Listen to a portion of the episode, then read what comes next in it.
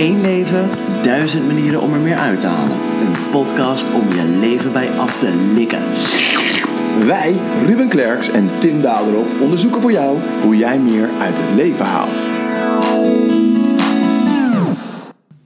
Wat leuk dat je weer luistert. In deze aflevering gaan we het hebben over inclusie. We spreken met Sandra Balli over hoe mensen met een beperking ook aan werk kunnen komen. En hoe we iedereen kunnen betrekken en tegen wat voor moeilijkheden we daarbij aanlopen.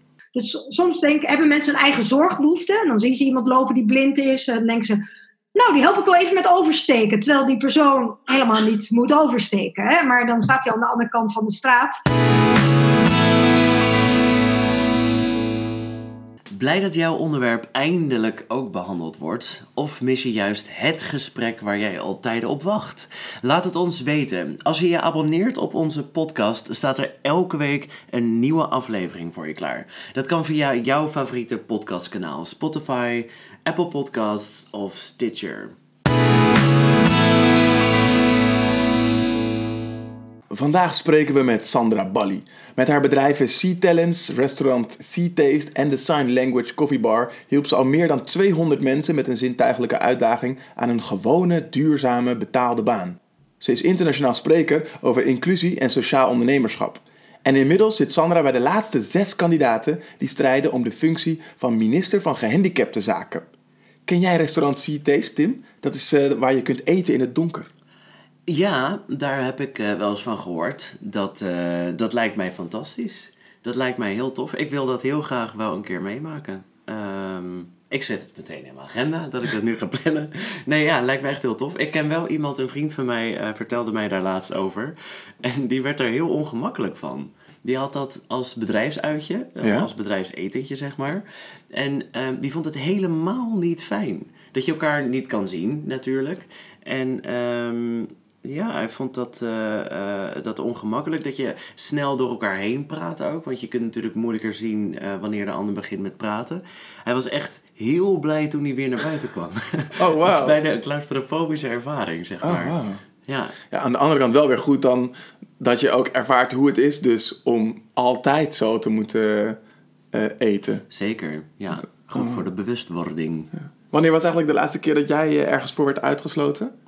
Ja, bedoel je dan uitgesloten, niet uitgenodigd of gediscrimineerd? Want die lijken allemaal een beetje op elkaar, denk ik. Ja, als het gaat over inclusie, uh, dan gaat het over erbij horen en ook dat er ook rekening met jou wordt gehouden. Ja, precies. Nou, ik word wel eens gediscrimineerd op straat, bijvoorbeeld als ik met mijn vriend hand in hand loop. Um, en dan, uh, dan word ik uitgesloten. Alleen dat gebeurt dan door mensen waar ik ook absoluut niet bij wil horen. Dus dan, dan is dat uitgesloten zijn uh, is niet vervelend. Het gediscrimineerd worden is natuurlijk wel vervelend. Maar zijn er bijvoorbeeld, zijn er bijvoorbeeld nog um, situaties in Nederland waar je als gay koppel uh, niet dezelfde rechten hebt als straight koppel? Ja, je mag geen bloed doneren.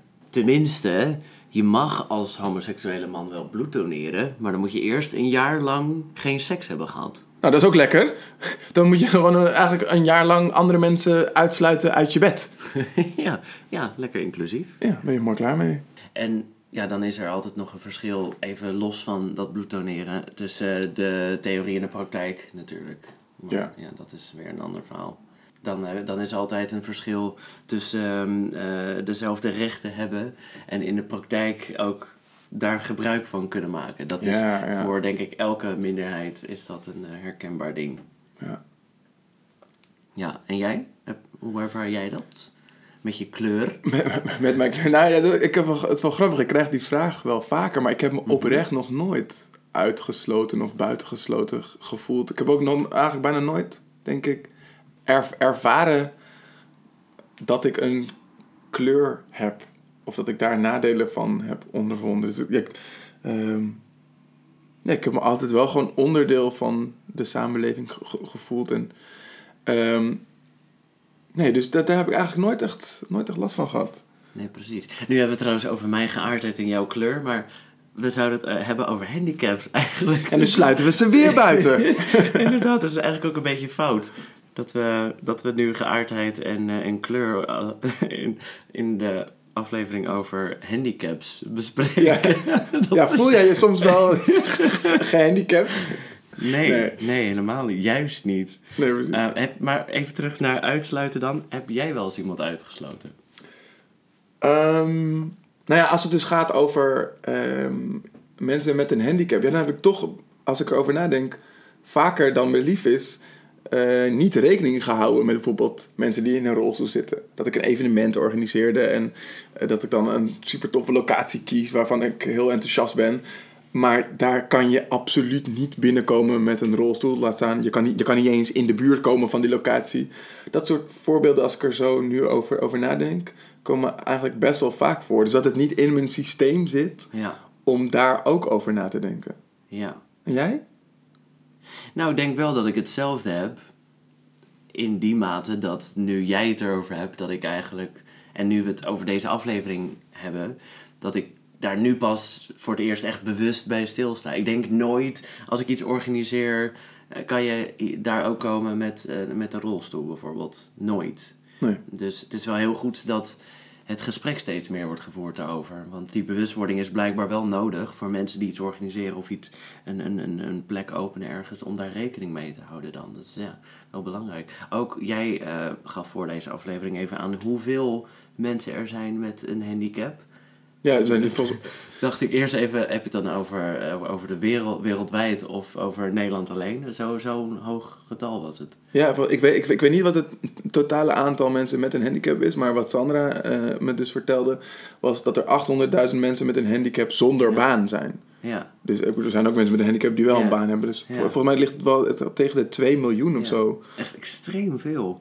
Dus echt de hoogste tijd dat we daar dan meer rekening mee gaan houden, inderdaad. Ja, absoluut. Ook, want, en dan heb je het dus ook over, ehm, nou, de, over eh, mensen die eh, slechthorend zijn of doof. En ook slechtziend en blind. En dat zijn heel veel mensen volgens mij. ja ik klopt, weet dat dat met eh, bijvoorbeeld webdesign echt wel een dingetje is. Dat daar steeds meer eh, rekening mee wordt gehouden. Omdat heel veel websites helemaal niet toegankelijk zijn voor mensen Ja. dus met, met een lichte of zware handicap. Ja, hier, nou, nu zit ik ook weer te denken, oh ja, daar heb ik hele- helemaal niet over nagedacht dat dat natuurlijk ook een ding is. Ja. Ja, Ja, maar- maar zoals gezegd, ik spreek dus in deze aflevering met eh, Sandra Balli. En zij is in de race om eh, minister van gehandicapte zaken te worden. Ehm, wat vind je er eigenlijk van dat we zo'n minister krijgen? Nou, dat lijkt me dus in het kader van waar we het nu over hebben, over die bewustwording. Het lijkt me dat een heel goed idee. Maar eigenlijk is het natuurlijk ook triest dat het nodig is. Maar dat heb ik ook een beetje bij, ehm, bij eh, de Gay Pride. Jammer dat het nodig is. Of genderneutrale wc's. Jammer dat het nodig is. Of rolstoeltoegankelijke wc's. Jammer dat dat nodig is.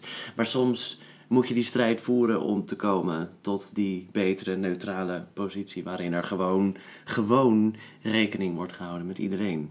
En dat geldt denk ik hier dan ook voor. Dat het tijdelijk is, hopelijk, dat ministerie. Maar Ja. wel nodig. Ja, ja. Jij? Ehm, ja, nee, dat is wel iets, iets wat, wat ik herken. Ik denk, ja, eigenlijk zou een, zou een ultieme inclusieve samenleving geen minister voor gehandicapte zaken nodig moeten hebben. Maar ehm, eh, ik denk wel dat het goed is dat we daar nu wel tijd en aandacht aan besteden. Ja. En dat we nu in zo'n soort van tussenfase zitten. Maar het zet, zet me ook aan het denken van wat voor, wat voor minister zouden we nog meer nodig hebben? Ja. Ja, misschien zou je dan gehandicapte zaken breder moeten trekken. En eh, een ministerie van eh, inclusiviteit. Of een eh, ministerie van cohesie. Of, nou ja, in ieder geval een ministerie die ervoor zorgt dat iedereen die niet bij de meerderheid hoort, dat daar rekening mee wordt gehouden. Ja. Niet alleen gehandicapten dan. Want dan krijg je een beetje hetzelfde als met dat LHBTQI+. Dat er dan ook weer andere minderheden zijn die dan denken... ja, maar nu hebben wij geen ministerie. Precies, wij staan nu niet in het, in het rijtje. Ja. Ja, Ja, ik ben wel voor een minister van gesprek. Of minister van een goed gesprek. dat is lekker overkoepelend dan. Ja, inderdaad. precies. Ja. Gewoon het het feit dat we allemaal met elkaar moeten blijven praten en ook het goede ge- gesprek moeten voeren. En ook hoe je dat gesprek voert. Exact. Ja. Dat is een goed idee. Ja. Ja, daar ben ik heel erg voor. Nou, ik, ben, ik ben in ieder geval gaan, gaan oefenen. Ik heb een goed gesprek met eh, Sandra gevoerd. lekker Corny bruggetje. Eh, deze zou overigens door de minister van Goed Gesprek niet worden goedgekeurd, eh, denk ik. Ehm, eh, ben je klaar om te gaan luisteren naar eh, mijn interview met haar? Zeker, zeker.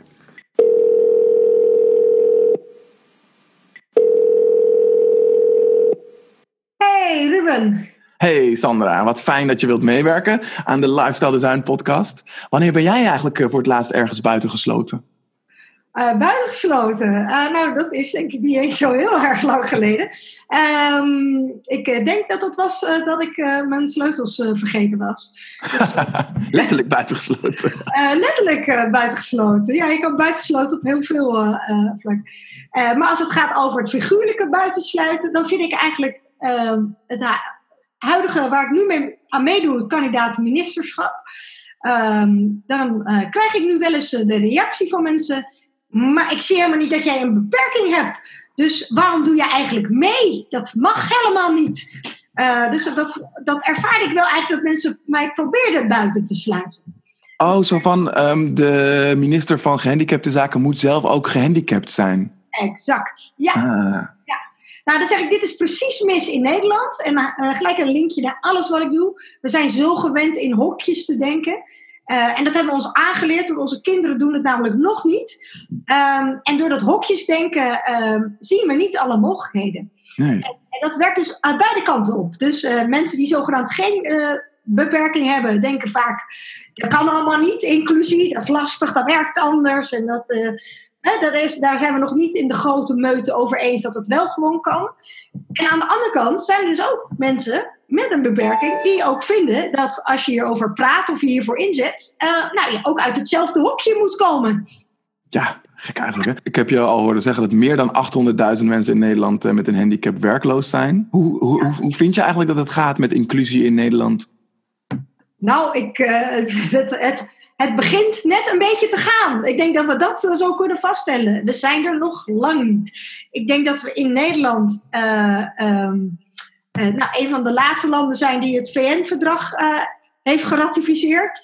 Uh, dat betekent dat een gelijkwaardige behandeling van iedereen. Dus dat, dat, hebben we nu een jaartje of zo.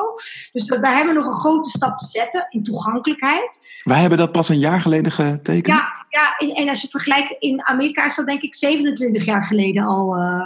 ja, dus en wat, wat heeft, wat... In, het, in het rijtje met nog een paar nou ja, landen van een andere economische statuur. Ja. dan, dan wij. Dus dat is echt iets om, te, voor te schamen. Ja, en wat, heeft, wat heeft ons, denk je, zo lang tegengehouden om dat te tekenen? Ik denk dat politiek gewoon niet op de agenda staat. Dus ook gelijk weer. We hebben ook niet iemand verantwoordelijk in Nederland voor mensen met een handicap of een beperking.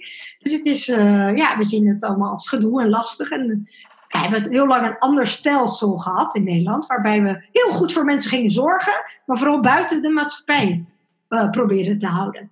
Dus niet meedoen op gewone scholen of gewone banen, maar vooral uh, apart organiseren. Ik denk dat dat uh, een, een uh, geschiedenis is die wij hebben, die gewoon anders kan. Het mooie is dat daar nu al stappen in zijn gezet. En dat je ook steeds meer bedrijven ziet die ook daadwerkelijk aan de bak zijn gegaan met oké, ik vind dat mijn bedrijf een goede vertegenwoordiging moet zijn van alle soorten groepen man, vrouw, uh, eh, LGBT, uh, eh, multicultureel, maar ook zeker de as. Nou ja, ben je nou blind of doof of heb je een andere uitdaging? Dat moet ook gewoon binnen onze organisatie vertegenwoordigd zijn. Iedereen heeft zijn talent en ja, verschillende soorten visies uh, brengt een organisatie verder. Ja. Dat is ook mijn mening, dat is al lang wetenschappelijk bewezen. Dus, dus als je dat goed weet te vertalen in je bedrijf, dan, nou, dan red je het in de toekomst. Ja, dus eh, je, je, je zegt dat er al best wel veel bedrijven zijn die, die daarmee bezig zijn of die daar iets mee willen. Maar hoe ziet dat er in de praktijk uit? Want dat is, dat is jouw werk, hè? Dus, uh, toch? Dat je, dat je mensen met een zintuigelijke uh, uitdaging aan werk helpt. Ja. Hoe, hoe, hoe ziet dat er voor hun uit? Dus stel dat, dat, uh, dat, dat er iemand bij jou komt die kan niet zien en die zoekt een baan. Ja, uh, nou, eerst komt nog maar 12% van de bedrijven in Nederland zijn bezig met dit onderwerp. Dus we, we hebben nog wel wat te winnen. Um, en, hoe komt dat als mensen bij ons komen? Dan hebben wij uh, altijd een uh, talentenscan, noemen we dat. Uh, kijken wat de mogelijkheden zijn. Dat doen we aan de hand van allerlei testen, IQ-test, persoonlijkheidstest. Maar je moet ook denken aan een test in de computervaardigheden. Technologie gaat namelijk heel erg snel. Technologie gaat ook deze groep enorm veel brengen nu en ook in de toekomst omdat heel veel dingen die eerst onmogelijk waren, nu gewoon mogelijk zijn. Dus wij doen daar ook een test in. In, hoeverre werken mensen al met bepaalde hulpmiddelen. En als ze dat nog niet doen, zorgen dat ze daar ook de juiste training in krijgen. Ehm, nou, en aan de andere kant hebben we natuurlijk werkgevers die zeggen: we staan ervoor open en hebben bepaalde vereisten of competenties uh, benodigd. En dan kijken we in hoeverre dat kan aansluiten met elkaar. Uh, dus en zo ontstaat er een match op talenten en op competenties, maar natuurlijk ook op persoonlijkheid moet iets uh, bestaan. Niet iedereen kan binnen een overheid werken of een heel ambitieuze omgeving, uh, consultancywereld. maar we hebben ook kleine MKB-bedrijven die dit gewoon doen. Dus dat vond ik heel cool vorige week. Eh, nog een organisatie die maar vijf mensen in dienst heeft. En nummer zes is kandidaat van ons. Ja, wat goed. Ja. Wat, zijn, wat zijn dan de grootste uitdagingen waar jullie tegenaan lopen om, uh, om deze mensen aan een baan te helpen? Ik denk uh, heel veel onbekendheid. En dat vertalen naar um, ja, maar mensen die blind zijn. Uh, ja, we werken wel met computers hier. Hè?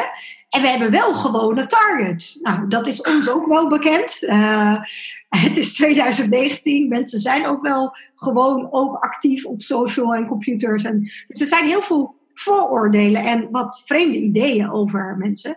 En is mijn ja, uitnodiging eigenlijk. Um, maak gebruik van Ask the Person, ATP. Gebruiken we zo vaak.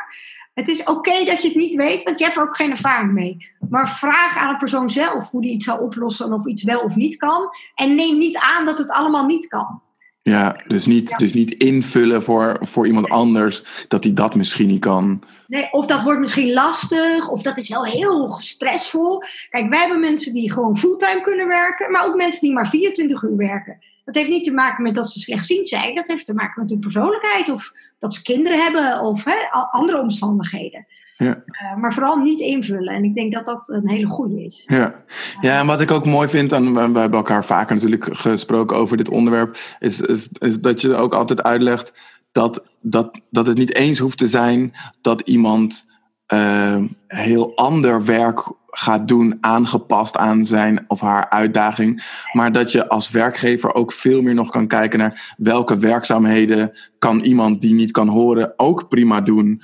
Uh, dus dus de, de, ja, dat je helemaal. Je doet het pas duurzaam als je werk doet die ook daadwerkelijk er is. Hè? Je ja. kan natuurlijk allemaal leuke projecten bedenken, maar projecten zijn eindig. En dan, uh, kijk, onze missie is ook duurzaam de werkloosheid te verlagen. Vooral het woordje duurzaamheid uh, dat betekent dat het ook daadwerkelijk ergens op moet slaan. Maar die taken en activiteiten en verantwoordelijkheden zijn gewoon te vinden binnen jouw organisatie. Alleen soms moet je een klein beetje shiften in uh, ja, de vacature teksten zoals je ze nu hebt staan. Want ja, één ding is duidelijk, als je doof bent ga je nooit de telefoon opnemen. En als je blind bent, uh, ja, worden dingen fysiek uh, zien ook gewoon onmogelijk. Dus ja, maar daar kan je gewoon open en eerlijk over zijn. Nou, soms is een functie bestaat voor 90% uit dingen die wel gewoon kunnen. En zelfs een gedeelte wat mensen beter kunnen. Nou ja, zou ik zeggen, breid vooral de functie op die competenties uit. Ja. En ja, gooi dat stukje eruit wat gewoon overduidelijk never nooit gaat kunnen, eruit. Ja. Dan kom je wel aan echt werk en volwaardig werk. Precies. En hoe reageren andere mensen eh, eh, om uh, die nieuwe functie heen? Op, op, op zo iemand die bijvoorbeeld niet kan zien of horen? Ja, dus, nou, dus... Dat is wisselend. Hè? Uh, er zijn mensen uh, die helemaal fan al vanaf dag één zijn. En er zijn mensen die wat meer uh, gewenning nodig hebben. Ehm, het is niet dat het hele nieuwe functies zijn in, in deze orde. Het is vaak een, een aanpassing in een functie. Ja. Ehm, maar geen wereldschokkende. eigenlijk, informeel, gebeurt dit sowieso al op elke afdeling. Als er vijf accountmanagers zijn, gebeurt er altijd dat, nou jij bent goed in dat en jij vindt dat leuk. Als jij dan meer die uh, koude relaties uh, bel, dan doe ik dat verwerken meer. Hè? Dus vaak onderling doen we dit al. Alleen uh, ja, op papier heb je exact dezelfde baan. Ja, en dit is eigenlijk in plaats van dat je afwacht tot het gebeurt, al van tevoren bespreekbaar maken. Hoe ga je in dat team goed functioneren? En um, nou ja, wij, wij horen eigenlijk vooral veel enthousiasme. En 90% van onze kandidaten heeft na een jaar nog gewoon zijn baan. En 50% na twee jaar gewoon een vaste baan. Dus dat dat kan, dat is niet meer de vraag. Het is meer de vraag met welke snelheid we uh, ja, mensen kunnen laten inzien dat het kan. En dat ze ook bewust zijn dat het wel samengaat met een paar aanpassingen. Ja. Hey, nou, en de... vrouwen dat ook ooit hebben gedaan. Hè? Precies. Ja, en dan, en dan heb je het natuurlijk over, um, over um, het stukje bewustwording en inzicht creëren aan de uh, werkgeverskant. Ja. Uh, maar heb je ook nog ehm, winst te behalen aan de kant van de mensen die een, een beperking hebben of die een handicap hebben. Uh, zeker, zeker. Ja, dat hangt heel erg van mensen hun achtergrond en opvoeding af natuurlijk. Maar er zijn ook mensen die, uh, die zijn gaan geloven in dat het niet kan. En dat is ook logisch als je 30 jaar te horen krijgt uh, dat het voor jou niet mogelijk is om te ja. werken. Gaan sommige mensen erin geloven. Dus dat moet je zeker ook nog inspireren en positief beïnvloeden. Want dat dat kan, dat weten we ondertussen ook. Hè. We hebben een hele community met prachtige voorbeelden en 30 bloggers die schrijven over alles wat er kan.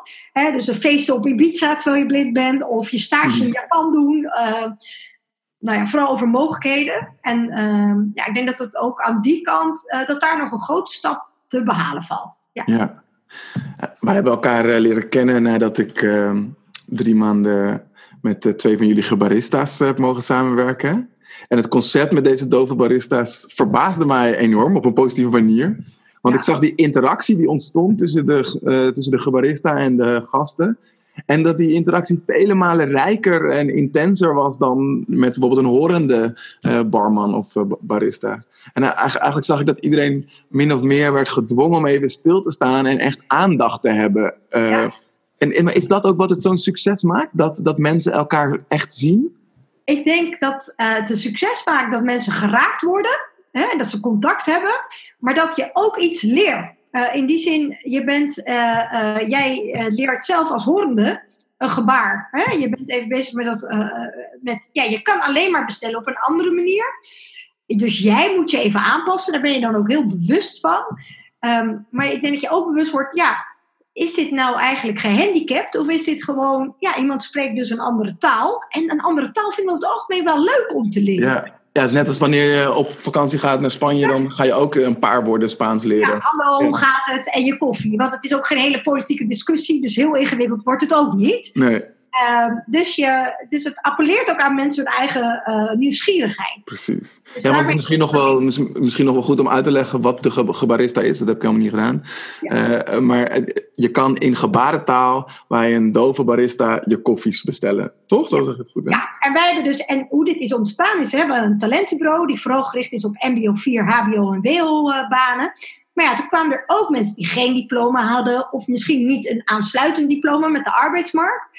Uh, en doof waren een eerste taal gebarentaal. Ze dachten, nou, hoe kunnen we die, uh, ja, een mooie, de mooie eigenschappen van gebarentaal en de kwaliteit van deze mensen nou vertalen in een concept dat we ook de wereld weer kunnen inspireren. Want dat is gewoon een gaaf concept, want we leiden mensen op tot gebarista. Vervolgens zijn ze ook echt verantwoordelijk voor hun eigen koffiebarretje. Uh, hebben ze ook contacten met iedereen, maar ze uh, leren ook de horende wereld uh, gebarentaal. Dus leggen, kunnen ook af en toe iets uitleggen over hun wereld. Ja. Dus het is niet, ach, wat erg. Nee, het is, kijk, dit is mijn wereld, ben ik trots op. En ik laat jou daar iets van zien. Ik ja. neem het mee. En dat raakt mensen ook. Precies. Ja, ik vond het ook echt, dat, ik heb het zelf natuurlijk ervaren. Dus in het begin vond ik het ook lastig. Dat ik dacht van, wacht even, dit ken ik niet. En nee, dat, en dat, en dat zag ik anders. Ja, precies. Het is anders. Ja. Dus het is even buiten je uh, normale patronen. En dat zag ik ook bij, bij, bij alle gasten terug. Die kwamen dan eerst aan en in een soort van haast nog even snel een koffie willen halen. En, uh, wacht even, ik moet iets doen op het scherm. Ik moet eerst opzoeken hoe dat gebaar werkt. Dus je zag eerst een soort van frustratie bijna. Ja, maar als het dan lukte, dus als ze dat, dat leermoment hadden gehad, zag je ook dat er echt, echt iets, iets, iets nieuws, iets moois ontstond. Dat, uh, dat, dat vond ik heel gaaf, ook om zelf te ervaren. Ja. En we hebben zelfs locaties waar je dus ook bij een gewone saaie koffiebar kan bestellen. En daarnaast dus ook een, hè, dus een grotere locaties zijn dat. En daarnaast is ook een language koffiebar. Dat mensen ook echt daadwerkelijk in de rij gaan staan om toch in gebaren hun koffie te bestellen, terwijl ze bij die ander direct geholpen kunnen worden. Ja. Uh, dat vind ik zelf nog het allermooiste. Dat, dus dat mensen gewoon bereid zijn om er extra voor te wachten, om dat ja. contact even te hebben. Ja. Hey, nou, nou komt er eindelijk een minister voor gehandicapte zaken ja. uh, in Nederland. En jij zit bij de laatste zes kandidaten die strijden om die functie. Hoe ga jij er nou voor zorgen dat jij gaat winnen? Ja, uh, hoe ik uh, uh, probeer te gaan winnen is mensen ook mee te nemen in campagnes anders kijken, anders denken, anders doen. En ik probeer mensen ook daarin met, een, met, een, met een knipoog ook te laten zien hoe leuk inclusie is. Uh, zonder te veel het woord inclusie uh, te gebruiken, want die had ik al, al, meegekregen als feedback, dat dat nog een concept is die nog niet uh, bekend is bij iedereen. En dat begrijp ik. Dus hoe, zou je dan, hoe zou je het dan noemen? Want dat vind ik overigens sowieso in dit, merk ik um, zelfs al in dit gesprek, of als ik met iemand die in een rolstoel zit praat, dat ik het zelf al moeilijk vind. mag ik je nog gehandicapt noemen? Of heb, ja. je, heb je een beperking of is een uitdaging? Ja we doen er ook wel allemaal een beetje uh, uh, ja, moeilijk over. Ja, hè? ja. Uh, ik vind ook de minister van Gehandicaptenzaken, ik vind het ook weer het hokjesdenken. Hè? We zetten het zo boem neer. Ehm, maar het is wel iets wat meteen triggert. Dus daarom is het wel een goede naam, omdat mensen gelijk denken: hé, wat is dit? Dit mag je toch eigenlijk niet zo zeggen? Hè? Dus dan triggert het je wel om erover na te denken. En een minister van inclusie zou, eh, denk ik, een mooier woord zijn, maar het moet natuurlijk ook wel begrepen worden door iedereen. Ja nog een vrij nieuw concept is. Uh, nou ja, is minister van Gehandicaptenzaken, is dat voor meer mensen duidelijk waar het over gaat dan minister van Inclusie. Ja. Um, nou, en we proberen dus nu eigenlijk een, een viral opgang uh, te krijgen door mensen mee te nemen in eerst dat, dat het eigenlijk een probleem is. 800.000 mensen met handicap werkloos. Um, en ook onnodig. Uh, er is met wat innovatie op een andere manier hiermee om te gaan echt een grote stap te zetten. En nou ja, dat die werkloosheid er is, dat vind ik bullshit. Het gebaar voor bullshit is gewoon hartstikke leuk. Hè? Dus je pink en je wijsvinger omhoog. En aan de andere kant uh, je vuist. Uh, die je open en dicht doet. Dus dan heb je de boel aan de ene kant en de shit aan de andere kant. Dus bullshit.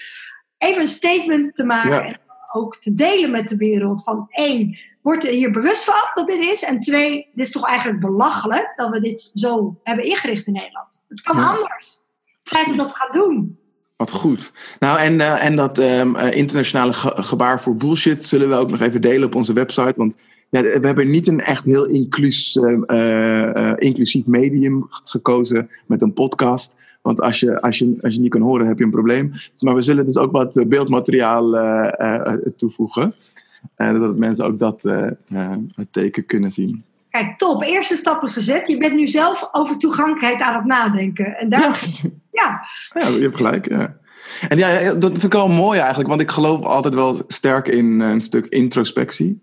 dus niet alleen naar, naar anderen kijken wat zij kunnen doen of naar de overheid, wat ze zouden moeten veranderen, maar ook kijken naar jezelf en wat je dan zelf op misschien een heel kleine manier kan doen. Heb jij nog tips voor de luisteraars hoe zij aan een inclusievere samenleving kunnen bijdragen? Ja, zeker. Ik denk uh, uh, ATP, daar geloof ik zo sterk in, is ask the person, dat het daar vaak misgaat. Dus soms denk, hebben mensen een eigen zorgbehoefte. En dan zien ze iemand lopen die blind is. En dan denken ze, nou, die help ik wel even met oversteken. Terwijl die persoon helemaal niet moet oversteken. Hè? Maar dan staat hij aan de andere kant van de straat. Um, dat, dat soort dingen gebeuren. Maar ook mensen niet uitnodigen omdat ze uh, al eerlijk zijn over hun uitdaging. Ik denk dat als iedereen dat eerlijk zou zetten op zijn cv, we ook in een andere wereld uh, zouden gaan zitten. Um, maar um, ga niet uit van je eigen ideeën, maar durf het lef te hebben om het te vragen. Ja. Uh, en ik, ik, kan deze les alleen maar leren omdat ik hem zelf ook heel vaak in de fout ben gegaan. En dat is oké. Okay, we, we, zijn allemaal niet perfect, we maken allemaal fouten, maar leer ervan. En we, ja, wees open en eerlijk en vraag door. Ja. Ik denk mijn grootste, eh, misschien leuk, mijn eerste fout die ik maakte in inclusie eh, gebeuren is mijn restaurant in het donker. Nou, onze allereerste persoon die we aangingen was Jeroen. Echt een leuke, werkt nog steeds bij ons. En Jeroen um, gaf mij mooi de feedback. Leuk dat jij 30 verschillende borden hebt bedacht. Hè? Eentje voor vega, eentje voor zwanger. En ik kan je vertellen, bij, vanaf bord 5 wordt het heel duur. Hè? Want eerst heb je gewoon rond en vierkant. Maar dan ga je hele gekke vormen. En dan is het design en is het heel duur. Uh, dus het was niet zo slim. Maar dat hadden we bedacht. En hij moest ook 30 borden uit zijn hoofd leren. Is ook niet zo handig. Maar dat ging hij wel doen. En toen zei hij, maar we hebben toch gewoon walkie-talkies? Ja, kan de kok kan gewoon toch tegen mij zeggen... het eerste bord is vegetarisch en het tweede voor de zwangere dame. Ja. ja goed, punt. Ja, dus in plaats van dat ik zelf een oplossing uh, was gaan bedenken... had ik het gewoon aan hem moeten vragen... hoe zou jij dit oplossen? Dus ook heel veel toegankelijkheid.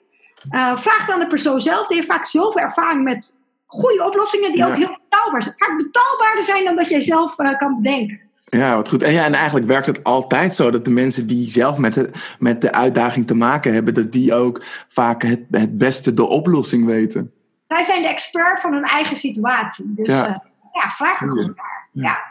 Ja. Ask En- the person. Ask the person. En hoe ziet jouw ideaalbeeld eruit? Als we het hebben over eh, een inclusieve samenleving. Ja, in een inclusieve samenleving ehm, ja, maak je afkomst eh, en eh, nou, je kenmerken niet, niet uit, maar wordt er gewoon gekeken naar wat je kan en wat je gaat bijdragen. Dus wordt gekeken naar je talenten, je competenties en wordt dat ook nuttig ingezet. En ik denk dat dat een soort droombeeld is. En dat betekent vertaling naar cijfers voor de mensen die dat liever horen. eh, dat er gewoon ehm, de werkloosheidspercentage, als we die hebben, dat dat vergelijkbaar is in elke groep.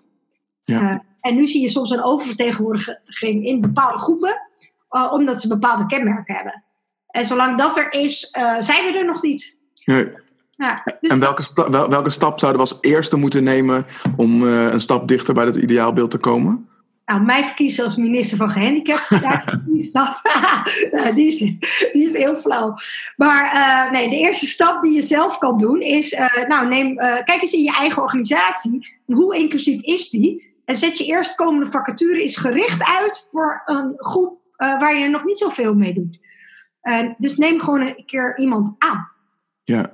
Ja, en dat kan dus ook, hè, ik bedoel, ehm, van een organisatie waar maar vijf mensen werken, tot aan eh, waar tienduizenden mensen werken. En niet alle scenario's uit gaan denken en drie jaar lang beleid maken. Soms is het gewoon een kwestie van leg hebben, het inzicht en doen. Ja, en, en maar zeg je dan, want nu zeg je eigenlijk dat je dan een vacature uit zou zetten gericht op een doelgroep, maar zou het niet nog in- inclusiever zijn als die eerstvolgende stap, als we een nieuwe vacature hebben, dat je er überhaupt over nadenkt, hoe kan ik de vacature zo schrijven dat iemand die niet kan horen of niet kan zien, hier ook op kan reageren of zich aangesproken voelt om hierop te Ja. kunnen reageren? Ja, maar dat is de vacature tekst en vaak wordt die op, op dezelfde kanalen weer uitgezet. Ja, Ja. ja, tuurlijk. Dus- Ja. Ja, dus dat is het ook waar bevindt je je doelgroep zich? Weet je dat überhaupt? Ehm, en, en, en als dus een homogene groep ergens zit, dan denken ze vaak wel in dezelfde rondjes en mogelijkheden. Ja. Dus dan zit het ook in diezelfde rondjes en mogelijkheden, wordt een vacature bedacht, beschreven en uitgezet. En ik hoor ook heel vaak, ja, zijn er wel zoveel? Want bij mij komen ze nooit op sollicitatie. Eh, en ik sta er echt open voor. En dan, ja, je hebt dus je proces zo ingericht dat, dat je ze niet bereikt. Dus eh, dat kan je, je kan daarmee samenwerken met social entrepreneurs. Hè? Ik ben er Ja. zelf één, maar er zijn er nog veel meer die expertise hebben. Of met mensen met autisme, of blind of doof. Of eh, nou ja, bedenk het maar. Het bestaat er, maar je moet wel bedenken. Oké, als ik een vacature heb, dan hou ik hem niet alleen in mijn bestaande kanalen, maar ik zet hem ook eens uit bij social entrepreneurs. Ja. Nou, Nou, ik, eh, ik- ik- verbazen. Ik ga gelijk van de gelegenheid gebruik maken. Heb je nog eh, developers eh, in je. In, in, in je... developers. eh, die zijn heel geweld de laatste tijd. Ja, en dan wil ik ook gelijk een statement maken. Inclusie is niet de vacature uitzetten die je nergens anders ingevuld krijgt. Nee, nee, maar zo was het ook, zo was het ook zeker niet, niet, Nee. niet bedoeld. Wij zijn sowieso op zoek naar een, naar een developer. We hebben de vacature niet uitgezet. En, ehm, eh, Maar dat zou zeker kunnen. En eh, eh, er zijn zeker bij ons ook mensen developers. Maar dat is inderdaad de groep waar die werkloosheid niet zo heel erg hoog is. Die hebben vrij snel vinden ze wel werk. Ja. We hadden ook laatst een, een, een ruimtevaartdeskundige die we kregen. Met acht jaar ervaring. Heel, heel, heel specifiek. Nou, het kan natuurlijk zijn dat we hem weten te vinden. Maar eh, ja, eh, als je hem in de normale markt op geen enkele manier weet te vinden, dan is de kans dat wij hem wel hebben natuurlijk ook niet enorm groot. Terwijl als je kijkt naar de wat meer gangbare eh, vacatures, ook de kans groter is dat je daadwerkelijk iemand vindt die daarop matcht. ja. Ja. Nou, on- ontzettend bedankt voor, eh, voor dit mooie interview, eh, Sandra.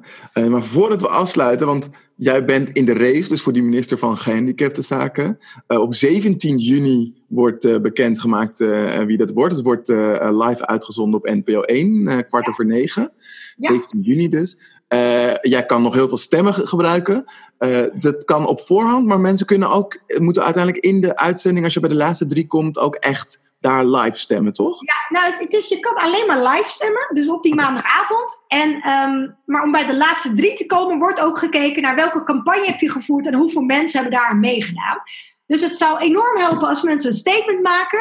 Ehm 800.000 mensen met handicap in Nederland zijn werkloos. Dat vind ik bullshit. En dat ook weer verspreiden op hun eh, social uh, met de hashtag anders kijken. Uh, dat zou mij enorm helpen. Uh, om niet alleen voor deze wedstrijd natuurlijk mee te doen, maar eigenlijk ook de beweging in Nederland op gang te zetten, die we met elkaar gewoon moeten gaan maken. Top, gaan we doen. Dankjewel Sandra. Heb jij een idee voor een volgende aflevering? Wil je ons laten weten wat je van de podcast vindt? Of wil je meer weten over de podcast en over ons? Kijk dan op lifestyledesignpodcast.nl. Volgende week gaan we het hebben over een druk, druk, drukke, drukke levensstijl. Ja, dan spreek ik met Talita Kalu. En dus niet over, oh my god, I'm Instagram famous, ik ben zo druk. Maar over hoe je om kunt gaan met een echt vol leven, vol werk, vol vrienden, vol verantwoordelijkheden. Haar verhaal dus volgende week. Tot dan! Doei!